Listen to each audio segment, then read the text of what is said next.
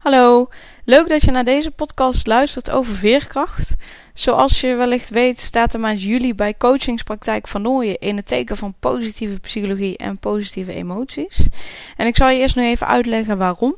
Uh, als je namelijk regelmatig positieve emoties ervaart, dan word je veerkrachtiger. En dat betekent dat je beter met stressvolle situaties om kunt gaan. En dat vind ik dan weer belangrijk, omdat je dan gelukkiger kunt zijn. En gelukkige mensen maken de wereld een stuk mooier, toch? Dat vind ik in ieder geval wel en daar streef ik naar. En door veerkracht overleven de meeste mensen stressvolle situaties, zoals het overlijden van dierbaren, zonder psychische problemen eraan over te houden. Schokkende gebeurtenissen horen nou eenmaal bij het leven. Uh, je kunt het bijvoorbeeld vergelijken met bamboe tijdens en na een storm.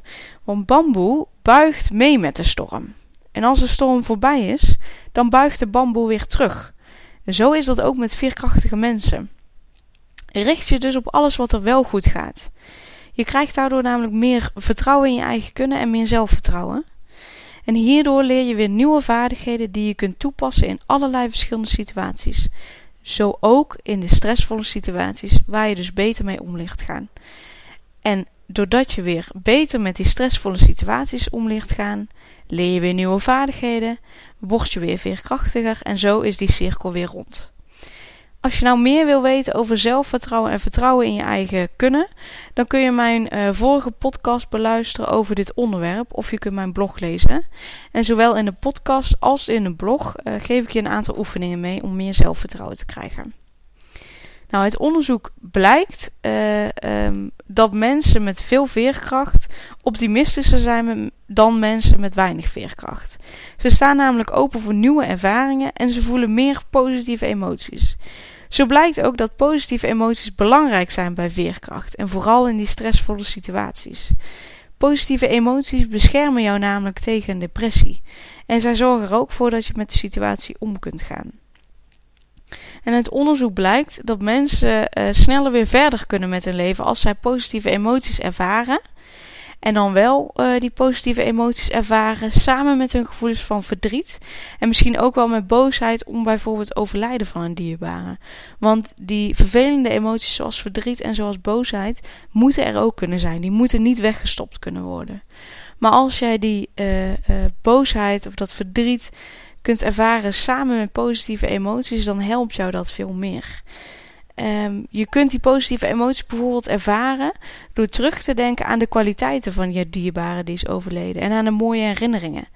En je kunt ook uh, de positieve emoties ervaren door dankbaar te zijn voor de troost en de hulp die jij krijgt van vrienden en familie.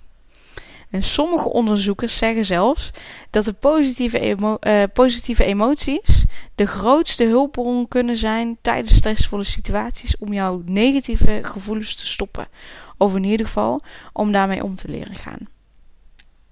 En mensen met meer veerkracht die zoeken in verleden, vervelende tijden ook actief naar oplossingen om de situatie positiever te maken. En hoe meer jij je richt over die, op die positiviteit, hoe groter de kans dat je die oplossingen ook echt vindt. En uh, ik wil je nog een aantal dingen meegeven om over na te denken. Want uh, soms is een probleem erger en soms is een probleem wat minder erg. En er zijn altijd uitzonderingen. Dus uh, zoek eens naar de momenten waarop het probleem er even niet is of er even minder is. Ook al is dat echt maar een heel, heel klein beetje. Want wanneer ben jij minder bezig met wat je hebt meegemaakt? En wat is er anders aan die momenten? En hoe lukt het jou om minder bezig te zijn met wat je hebt meegemaakt? En welke invloed heb jij op die momenten dat het er even minder is, ook al is dat maar een heel klein beetje? En hoe kun jij ervoor zorgen dat jij die momenten vaker ervaart? Dat jij minder momenten hebt waarop jij bezig bent met je vervelende gebeurtenis. En pas dat vaker toe. Want dat kun jij, dat weet ik heel zeker. Heb je daar hulp bij nodig, neem even contact met mij op. En stel dat jij uitgegroeid bent tot een wijze oude vrouw en jij kijkt terug op deze periode van je leven. Wat zou deze oude wijze vrouw jou aanraden om met de situatie nu om te gaan? Waar zou je volgens haar aan moeten denken? En wat zou jou volgens haar het beste helpen om het verleden te accepteren of misschien wel te vergeven? Wat zou zij tegen jou zeggen om jou te troosten? En zoek ook uh, bij bijvoorbeeld overlijden naar positiviteit, maar ook op andere momenten. Want ze zeggen wel eens: het is beter te hebben lief gehad en verloren dan nooit te hebben, lief, dan nooit te hebben lief gehad. En ik geloof daar echt in. Ook al heb ik dat niet altijd gedaan, ik heb daar niet altijd in geloofd. Want op een gegeven moment dacht ik: nou is het klaar.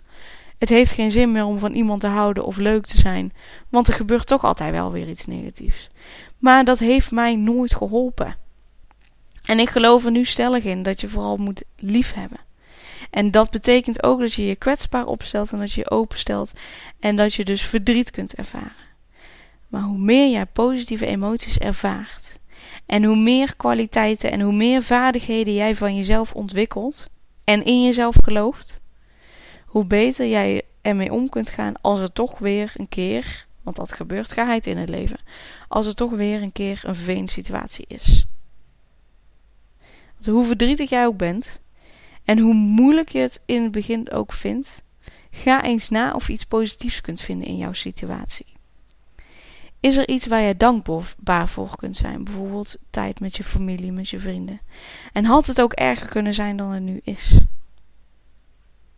Wat maakt dan dat het nu niet erger is? En wat kun jij daaruit halen? Het kan ook helpen om er met iemand anders over te praten, want die kan jou weer andere inzichten geven. Uit onderzoek blijkt bijvoorbeeld dat het helemaal niet uitmaakt wat het is, als jij maar iets positiefs kunt vinden, hoe klein dat ook is. Want dat kleine stukje positiviteit kan het zaadje zijn om meer positieve dingen in de toekomst te kunnen oosten. Dus ga daar echt op zoek, want het helpt jou echt waar. Heb je hulp nodig? Laat het mij weten. Stel vragen.